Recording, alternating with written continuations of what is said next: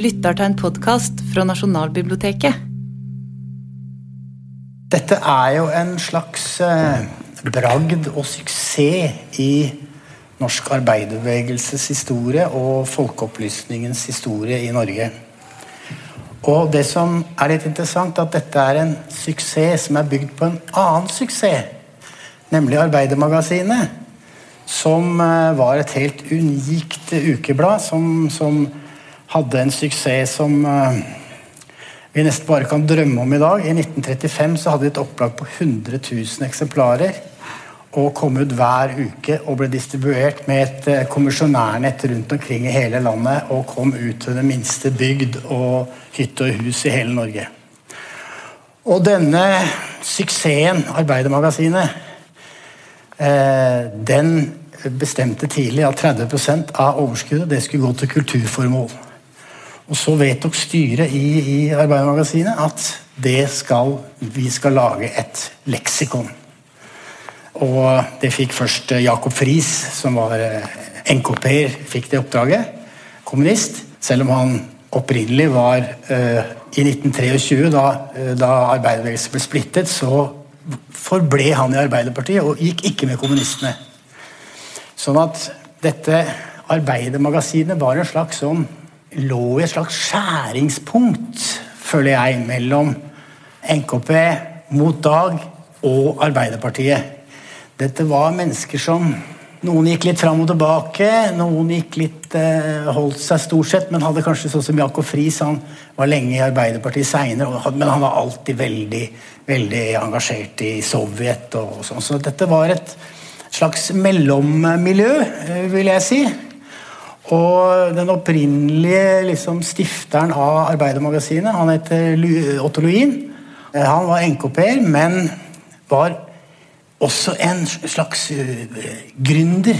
En, en, en forretnings... Uh, altså han, han, opprettet Arbeidermagasinet som et aksjeselskap.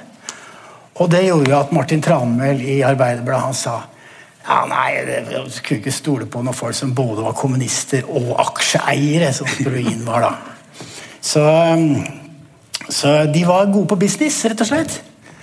Og I begynnelsen så sprang eh, Arbeidernes leksikon ut av Arbeidermagasinet og dette med Jakob Friis, men etter hvert så I hvert fall så sier Jakob Friis det. da. Han sier at Arbeiderpartiet med Tranmæl og Edvard Bull de innførte en boikott av, eh, av, av leksikonet. Så ingen fra Arbeiderpartiet skulle være skribenter. Edvard Bull og alle de intellektuelle som er knytta til Arbeiderpartiet, de finnes ikke i, i, i, i dette leksikonet. Og det gjorde at skribentene i hovedsakelig kom fra Mot Dag, som definerte seg som arbeiderbevegelsens intellektuelle, og som de hadde vært i Arbeiderpartiet og de hadde vært i NKP. Og så på denne tidspunktet her så var de uavhengige av både Arbeiderpartiet og NKP. Så disse fyller jo opp. Det er en hel skokk med eh, intellektuelle fra, fra Mottak som skriver uh, hele leksikonet, som jo er på seks bind, som dere vet. Jeg er litt fascinert av at dette, dette Mottak-miljøet er en slags Du kan kalle det et slags høyrekommunistisk miljø. altså Erling Falk, som var leder av Mottak, han hadde knyttet kontakter med f.eks. det tyske som het KPO altså kommunistiske parti opposisjon.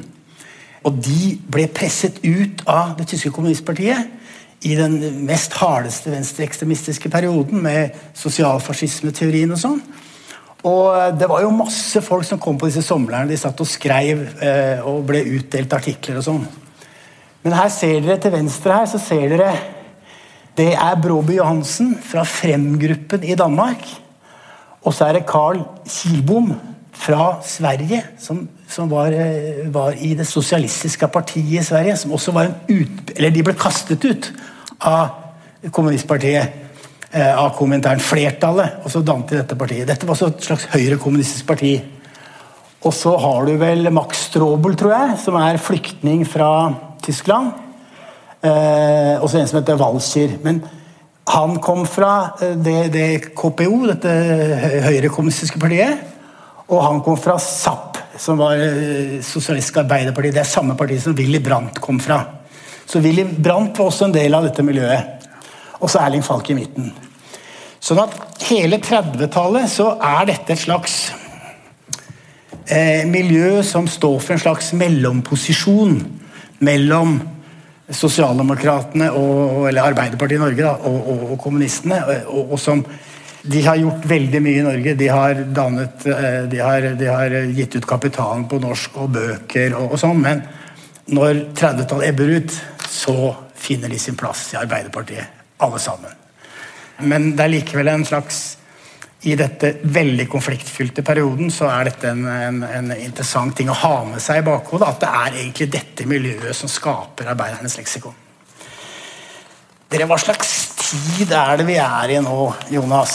1930-tallet. Hvordan ser det ut? Ja, Det er fristende å spole litt tilbake til eh, den tida når Mot Dag-kretsen ble til, for 20-tallet. Mm. Du kan si Man kom ut av perioden etter første verdenskrig, hvor det var stor revolusjonsoptimisme. Var, eh, I Norge så var det en sterk radikalisering i arbeiderklassen og arbeiderbevegelsen. Arbeiderpartiet gikk som det eneste eh, massepartiet i Vest-Europa inn i Komintern. Eh, men brøyt etter ganske kort tid, i 1923, med Komintern igjen. Helt sentral i den prosessen var det kanskje to menn som på hver sin måte leda an i hver sin del av arbeiderbevegelsen var Martin Tranmæl i Arbeiderpartiet. Og så var det Erling Falk i miljøet rundt Mot Dag. Og De to var tette allierte, særlig i prosessen med å få Arbeiderpartiet ut av kommentaren igjen.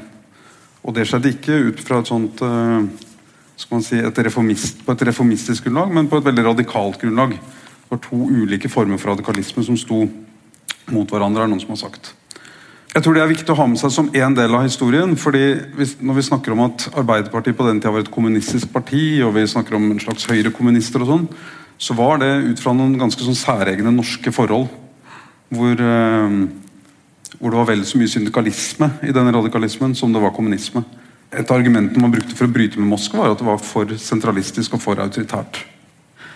Samtidig så skjer det jo mange ting eh, nedover Europa, eh, og det skjer ting på høyrefløyen. Når Mot Dag etableres, så er noe av det første som skjer, er at altså de innleder veldig tidlig en kamp om makta i studentersamfunnet her i Oslo. Det får de konservative studentene til å reagere. Så Der er det en liten krets med studenter som utgjør et uh, slags, uh, en slags satire over Mot Dag. Kort tid etter at de er etablert, som heter Mot alt. Det satireprosjektet vokste året etter til å bli Minerva. Og det Minerva helt fra starten av eh, gjorde ganske åpenlyst, altså sjokkerende åpenlyst, syns jeg, når jeg sitter og bladde gjennom gamle årganger av Minerva, var jo at de helt fra starten av flørta veldig åpenlyst med fascismen.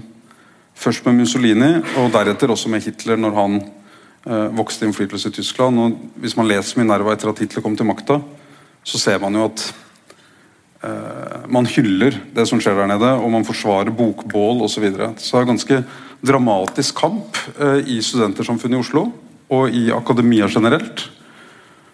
Og når Trond Hegna senere eh, liksom skulle oppsummere hva som var det viktigste Modag hadde oppnådd, så pekte han vel på to ting. Og Det ene var at det hadde vært en voldsom og veldig sterk kraft mot fascistisk mobilisering i akademiske kretser. Og så det andre, som du var litt inne på i stad.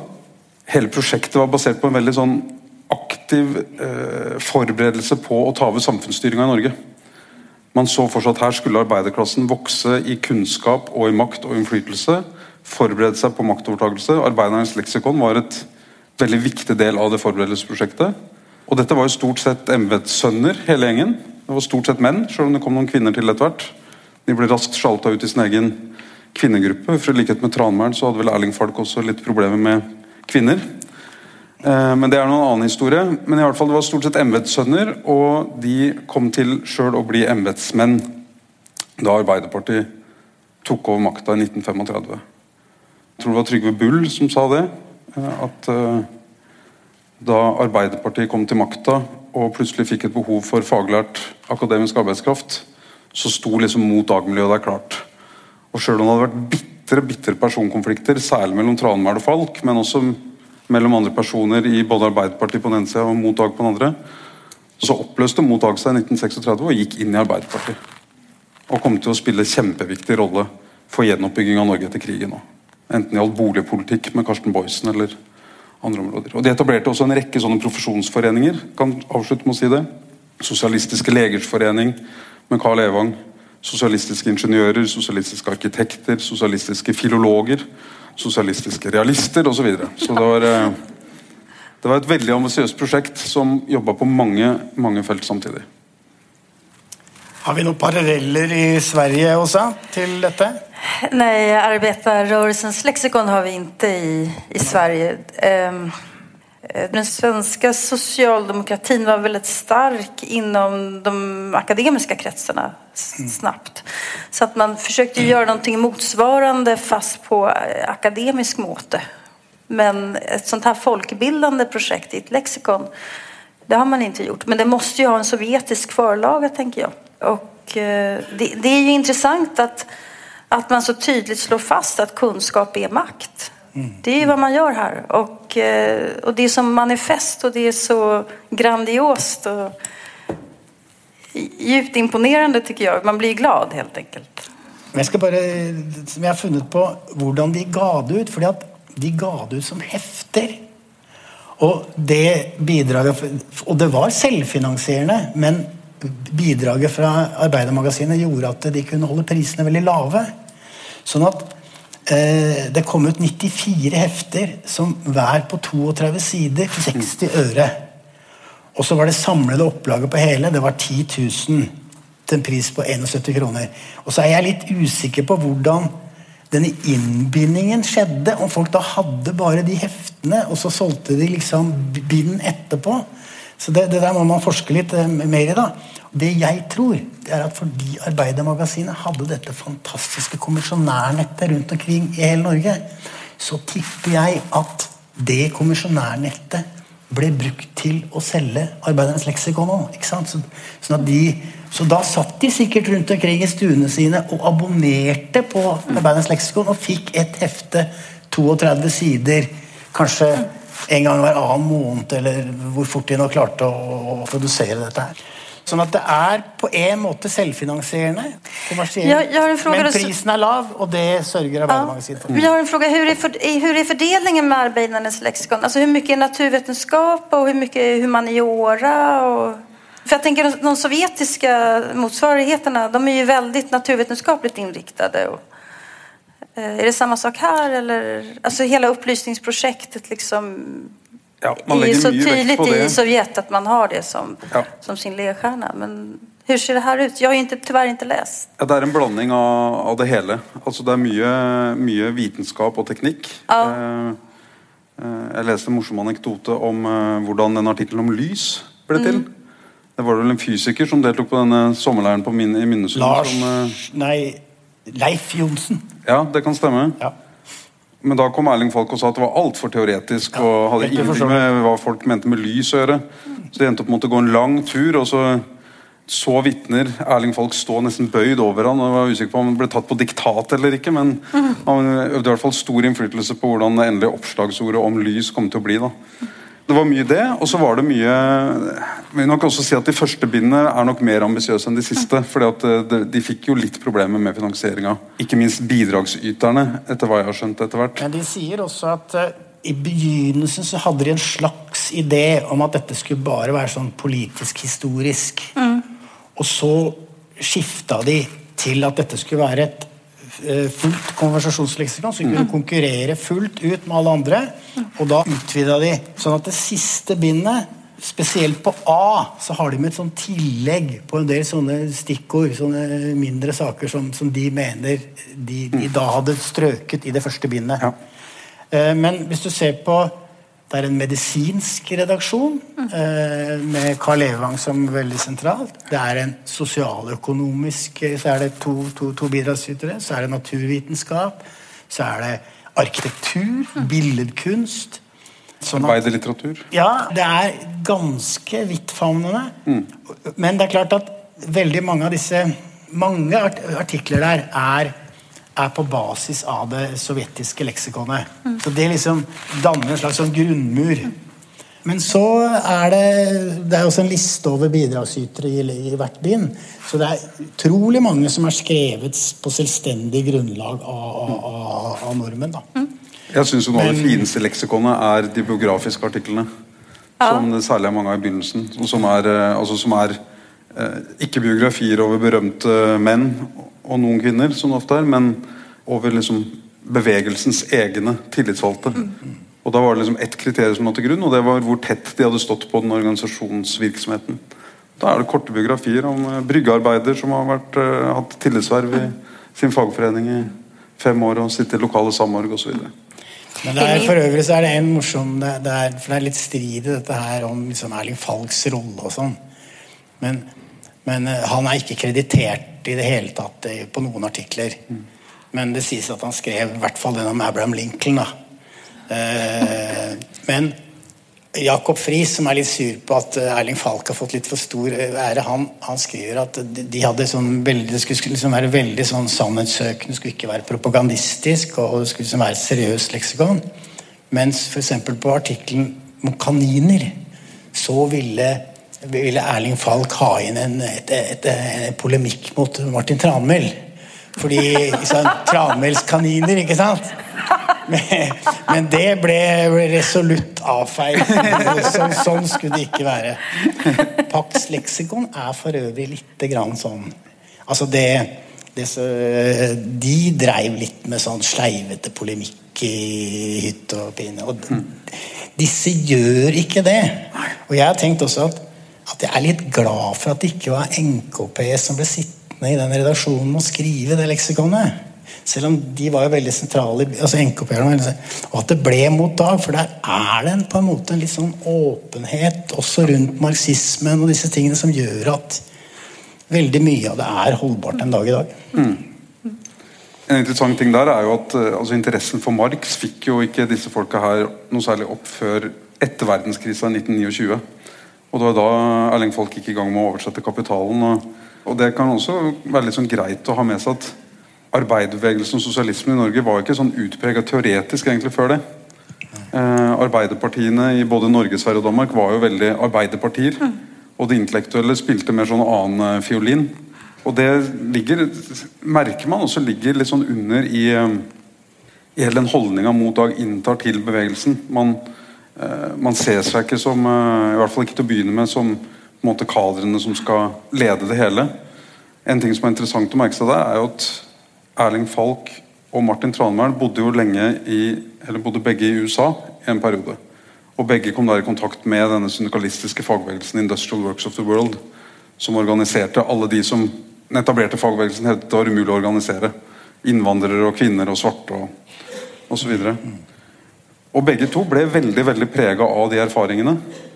Eh, og igjen så tror jeg det var Trygve Bull som sa det at eh, det var på en måte litt sånn eh, paradokset med en mann som Erling Falk, at han, måten han var leder på, passa bedre for et land som USA, hvor det var en sånn ufaglært immigrantarbeiderklasse som ikke kunne språket, og hvor det fantes intellektuelle ledere i fagbevegelsen, eller for Russland, hvor folk nettopp hadde på en måte våkna opp av dvalen og prøvd å tatt samfunnsmakta. Jeg tror det er De avsluttende ordene til Trygve Bull i denne boka om Erling Falk og Mottak, hvor han sier at mens arbeiderklassen i Norge hadde kommet opp på et så høyt utviklingsnivå at her foretrakk man leder fra sine egne rekker. Og Det tror jeg nok de sleit med. Også du, du ser det som en sånn spenning i Mot Dag opp gjennom hele perioden. Og det var nok medvirkende også til ikke sant, De hadde forakt for Tranmæls kaniner. Og det var nok delvis eh, noen ganger også en litt sånn velbegrunna forakt, tror jeg. De snakka bl.a. om den der gleden en del av disse kaninene hadde av å ikle seg uniform når de leda de røde speiderne, eller Dette er Einar Gerhardsen, blant annet, da, som er eh, ja, Tranmælskanin. Så det var jo den ene sida, men på den andre sida så var det en sånn dyp skepsis til sånne rene akademiske miljøer som skulle komme inn og liksom belære arbeiderne.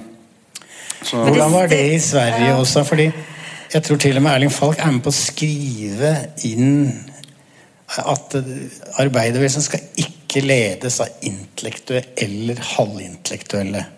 Det har de slått fast. Og jeg husker på sånn 60-tallet så ble dette den der, det ble kalt en intellektuell forakt i arbeiderbevegelsen. Nå så har jeg liksom begynt å få litt mer sans for det der eh, tranmælske liksom, ideologien at eh, denne bevegelsen skulle styres av, av arbeiderne selv. da. Men eh, jeg, jeg har en følelse at det er litt forskjell Sverige-Norge der.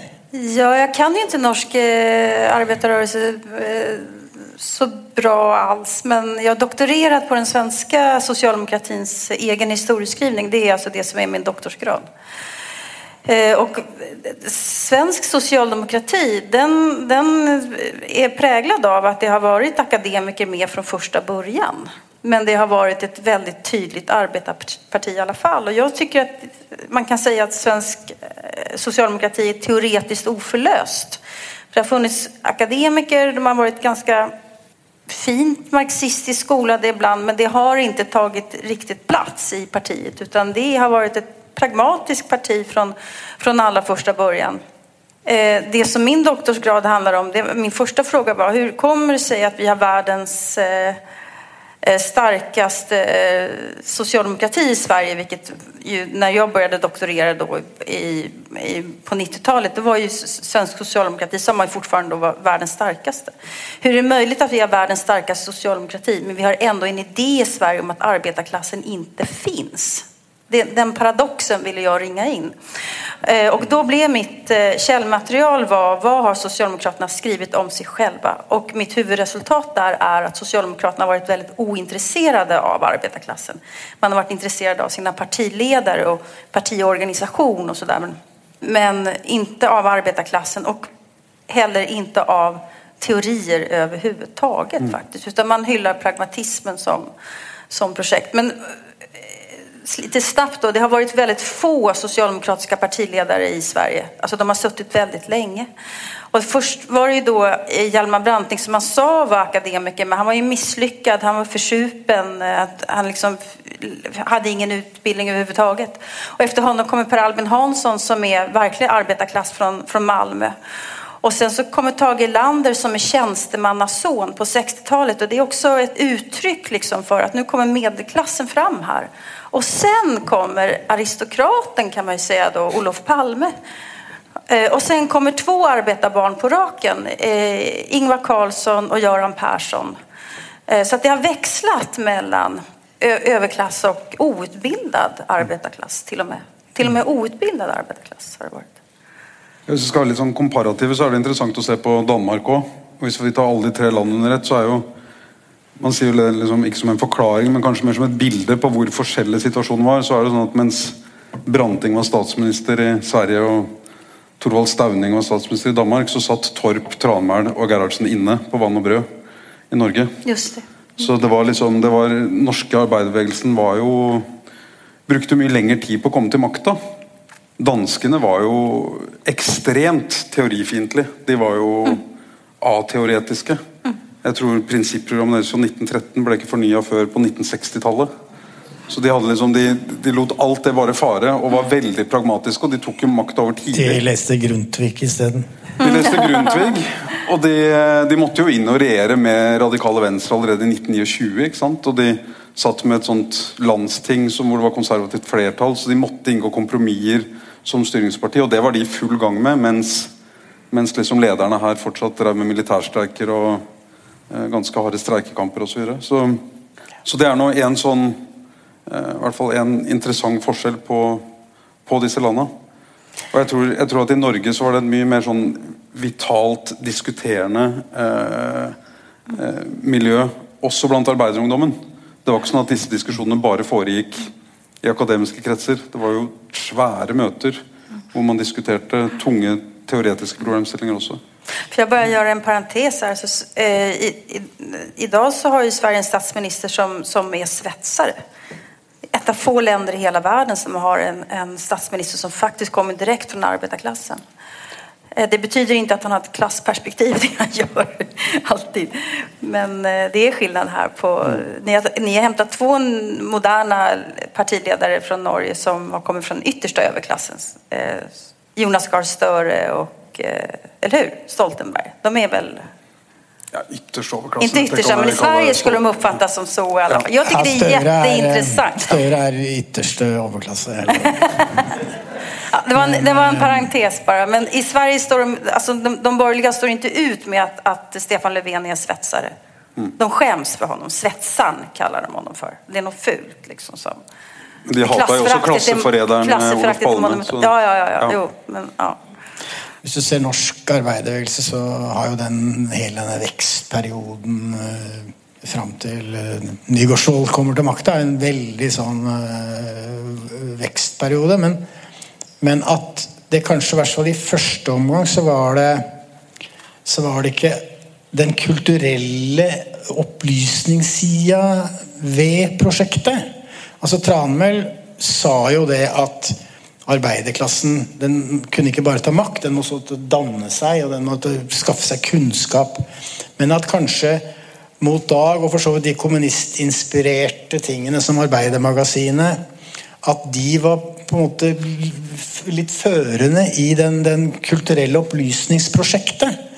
Eh, Arbeidermagasinet, f.eks., som, som eh, folk leste i fillebiter i husmannsstuer over hele Norge, liksom. Det, det var jo et prosjekt som, som eh, Arbeiderpartiet da fant ut at det likte de ikke.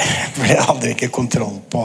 Sånn at Arbeiderpartiet var liksom Det var noe rart her. De, liksom, de, ja, de boikottet Arbeidernes leksikon, og de likte ikke Arbeidermagasinet. og sånn at, sånn at hva, hva, hva, var denne skepsisen Hva, hva bundet den i? Både AUF og Arbeiderpartiet fatta jo vedtak til og med om at lagene deres ikke fikk lov å invitere innledere fra Mot Dag-miljø. Og det var et vedtak de ikke gjorde mot noen andre organisasjoner, heller ikke mot NKP.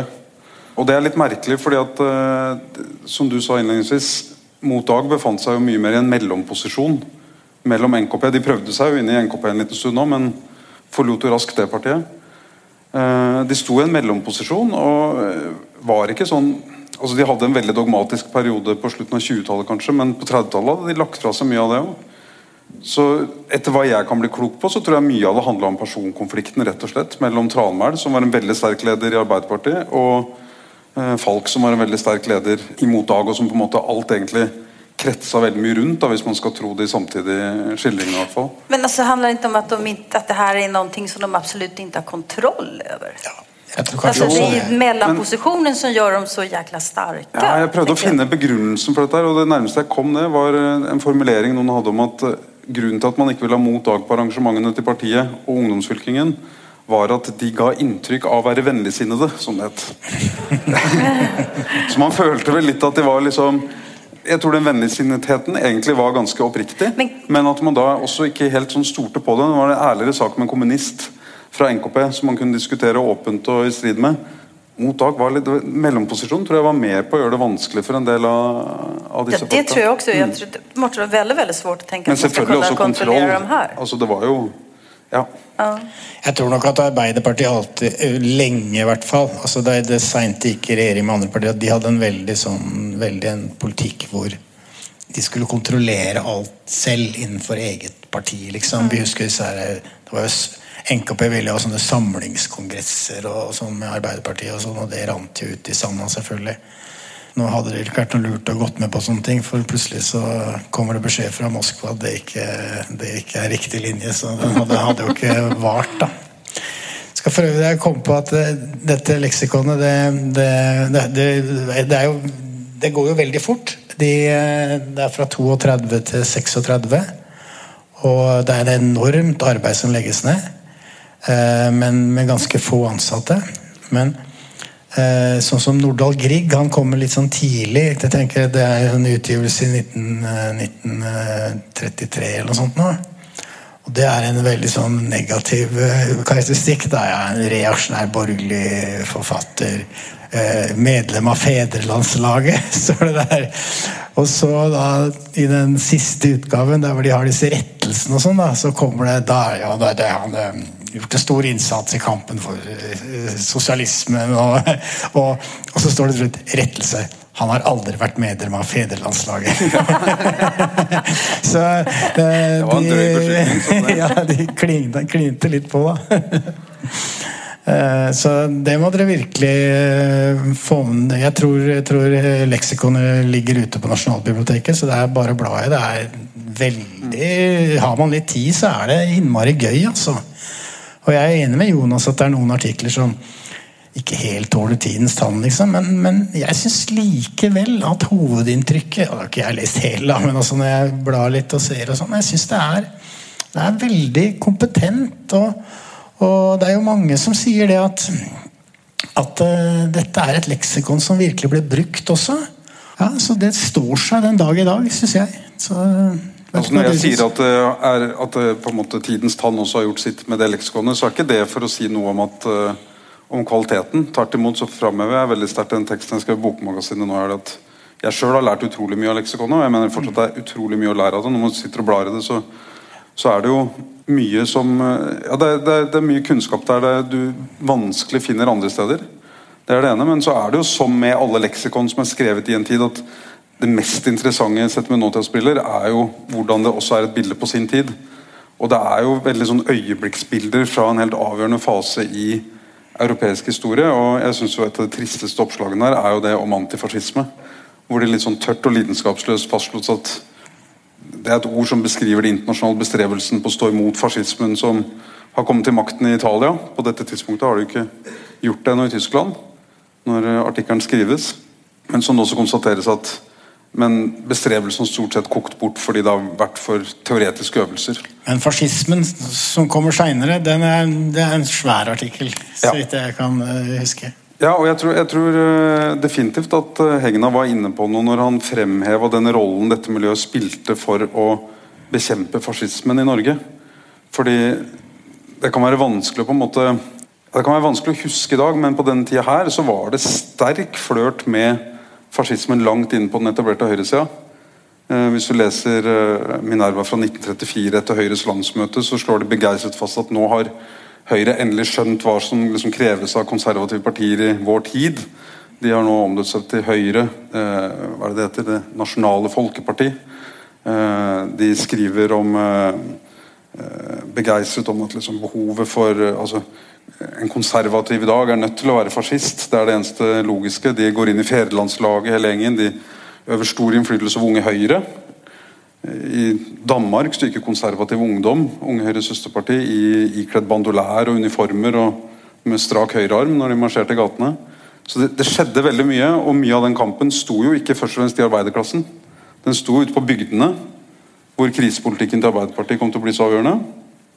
Og samlinga med Bondepartiet om det kriseforliket som kom. Men så var det også den kampen som sto i universitetskretsene. Med en del intellektuelle eh, Man kan diskutere hvor intellektuelle de var, men det var i hvert fall studenter som, eh, som var veldig begeistra for fascismen. Og den kampen var det Mot Dag som førte. Og Hvis du leser Minerva, det går ikke ett nummer uten at Mot Dag nevnes i minst én artikkel. I en del numre så er det til og med en fast spalte med en sånn hammer og sigd, hvor det liksom er referater fra mot, hva Mot Dag holder på med i, i studentmiljøet.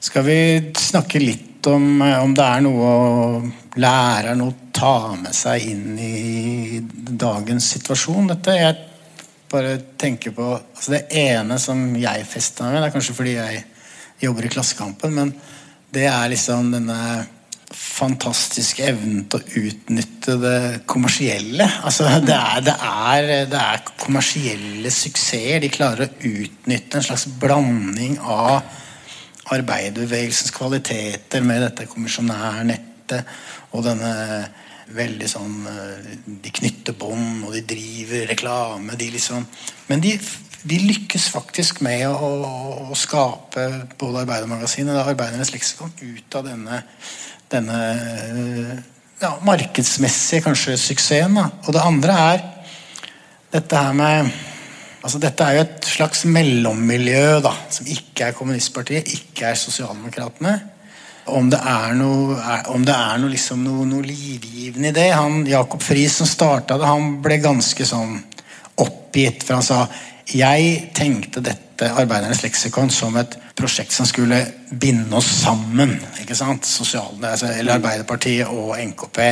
Og mot at dette skulle liksom bli et sånn fellesprosjekt. Og så ble han litt desillusjonert da, fordi at fordi at uh, ja, Arbeiderpartiet boikotta det og ikke ville være med. Og så ble det den vanlige partipolitiske kranglinga. Og han ble sur på Mot Dag også, da, som Man blir jo gjerne det når man ser det litt i sånne mikro, mikroperspektiv, men i ettertid så, så, så, ser man jo på en måte eh, betydningen av det. da.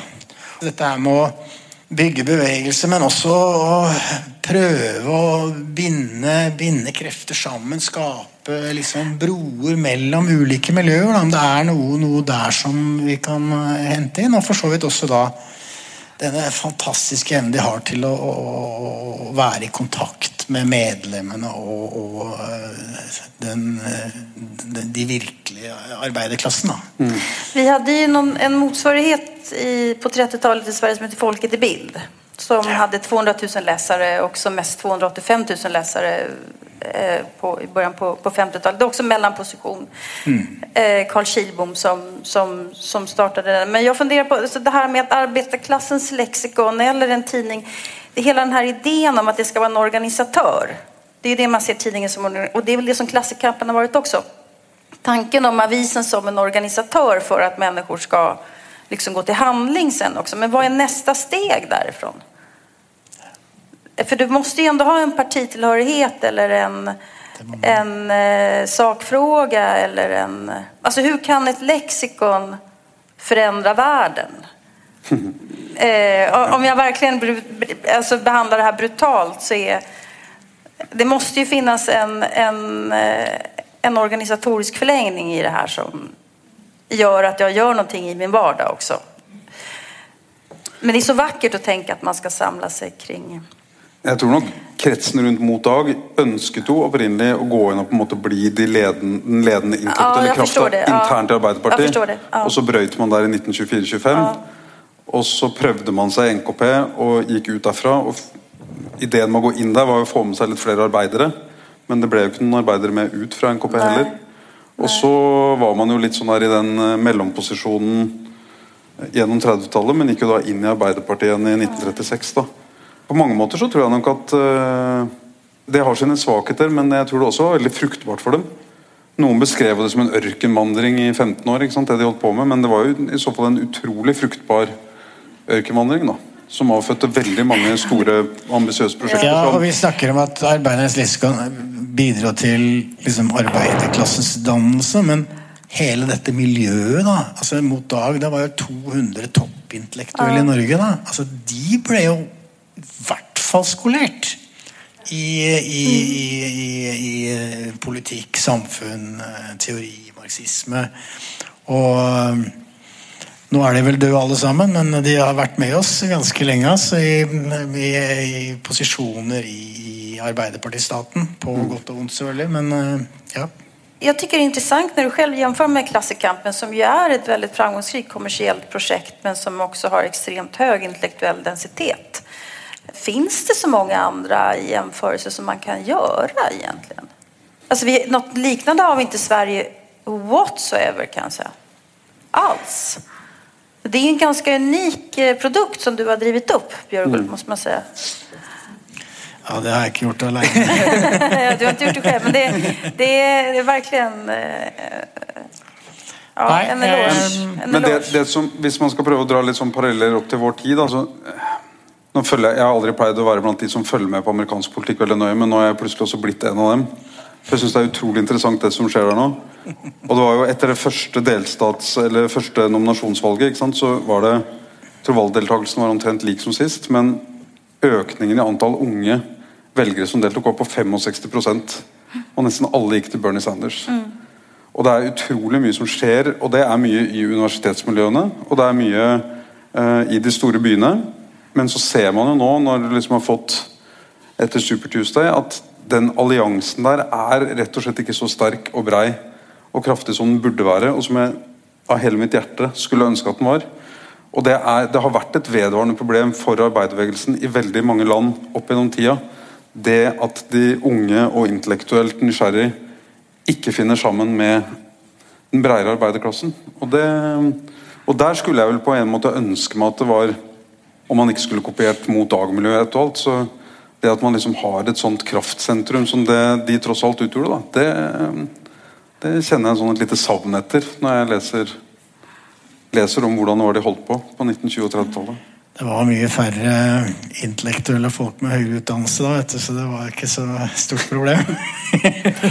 Men jeg tycker, jag tycker du ringer inn noe, noe viktig her, Jonas, for at uh klyftorna har ju aldrig varit större än nu mellan utbildade och icke-utbildade. Alltså det, är, det, är en, det är en klyfta som är extrem och det är en enorm utfordring för, mm. för vänsterpolitik eller överhuvudtaget för idén om social förändring. Klyftorna är så stora så att det blir motsättningar som är eh, helt livsfarliga för oss som vill ha en samhällsförändring som Mm. som bygger at, på, eh, på, at man forstår at motsetningen går mellom arbeid og kapital. Ja, så ser man at Det prosjektet der det var jo at arbeiderklassen skulle utdanne seg for å De skulle ikke slutte å være arbeidere, men de skulle få kunnskap. De skulle mm. kunne styre landet fordi de, de, de tilegnet seg kunnskap. Mens på en måte det som har overtatt som ideologi veldig mye, det er jo at måten å skape og minske de sosiale forskjellene på, det er at folk skal, skal bli akademikere. Just det. Mm. Uh, mens det, det, vil jo det, det, Arbeiderklassen vil alltid bestå. Det er, det er sånn at du må ha en politikk for den reelt eksisterende arbeiderklassen. Ja, det er den ideen om meritokratiet som blir en sånn dobbel finger uh, til de som ikke har tatt lange utdanninger eller overtatt ledelsen i de politiske partiene. Mm. Og jeg tenkte, altså et sånt ord som slo meg veldig da jeg satt og skulle skrive den teksten om Arbeiderens leksikon. Da jeg satt og leste forordet til de som sto bak verket, så, sånn, så bruker de dette begrepet om at dette verket er skrevet ut fra et klassestandpunkt. sier de. Og Samtidig som jeg satt og leste meg gjennom eh, artikler i Arbeiderens leksikon, så så jeg en utrolig interessant dokumentar på Netflix. Finansiert av Obama-ekteparet, men eh, lagd av noen uavhengige filmskapere, som heter American Factory hvor de går inn og følger en fabrikk, nedlagt fabrikk i rustbeltet i USA. Hvor det kommer inn en kinesisk eh, investorkapitalist fra det statskapitalistiske Kina inn og skal starte en bilglassproduksjon eh, i de gamle fabrikklokalene. Og Den skildrer de arbeiderne som da kommer inn der og blir ansatt dette her, og måten de blir utsatt for et for dem utrolig fremmed system som er ekstremt autoritært og topptungt de forsøker å organisere seg for å bøte på det de opplever. Og blir jo da møtt med en kinesisk kapitalist som sprøyter millioner av dollar inn i et sånt eh, rådgivningskonsultselskap som har spesialisert seg på å knuse fagforeninger, og som ender opp med å klare å knuse fagforeninga før den har blitt etablert. Grunnen til at jeg nevner det er når du da ser Det som er mest interessant, det er en sånn ti minutters snutt som du kan velge å se etterpå, som er et intervju med Obama-ekteparet, hvor de sitter og snakker om filmen. Og det, det, ikke noe sinne, det er ikke noe indignasjon å spore i den samtalen de har med Obama-ekteparet. De sitter der og snakker om det er så utrolig interessant, det viser så mange perspektiver, og hvordan ingenting egentlig er svart og hvitt. Alt er liksom grått. Og dette er så, så fint at dere kommer så tett på disse menneskene. Og, og det bare og, jeg, jeg, jeg, altså, og da tenkte jeg sånn Klassestandpunkt Det er sånn det ser ut når du ikke har et klassestandpunkt. Og det er ikke rart den amerikanske arbeiderklassen føler seg forrådt i det landet der. I Sverige så har vi ju den här idén om att 30-talet kommer snart att ta över och det lurar bakom knuten och egentligen alla är fascister utom jag och sådär. Vi har en väldigt, väldigt stark sån liksom, eh, tanke i Sverige just nu och eh, det är helt otroligt, försöker jag hävda, man kan inte vara antifascist om man inte har en klassståndpunkt. Man måste förstå den sociala frågan om man ska kunna slå slå det här. Och det, man kan inte bara sitta och säga att vad intressant och det är en gråzon och så, så nära de kommer in på människor. Man måste dra politiska slutsatser helt mm. enkelt. Så.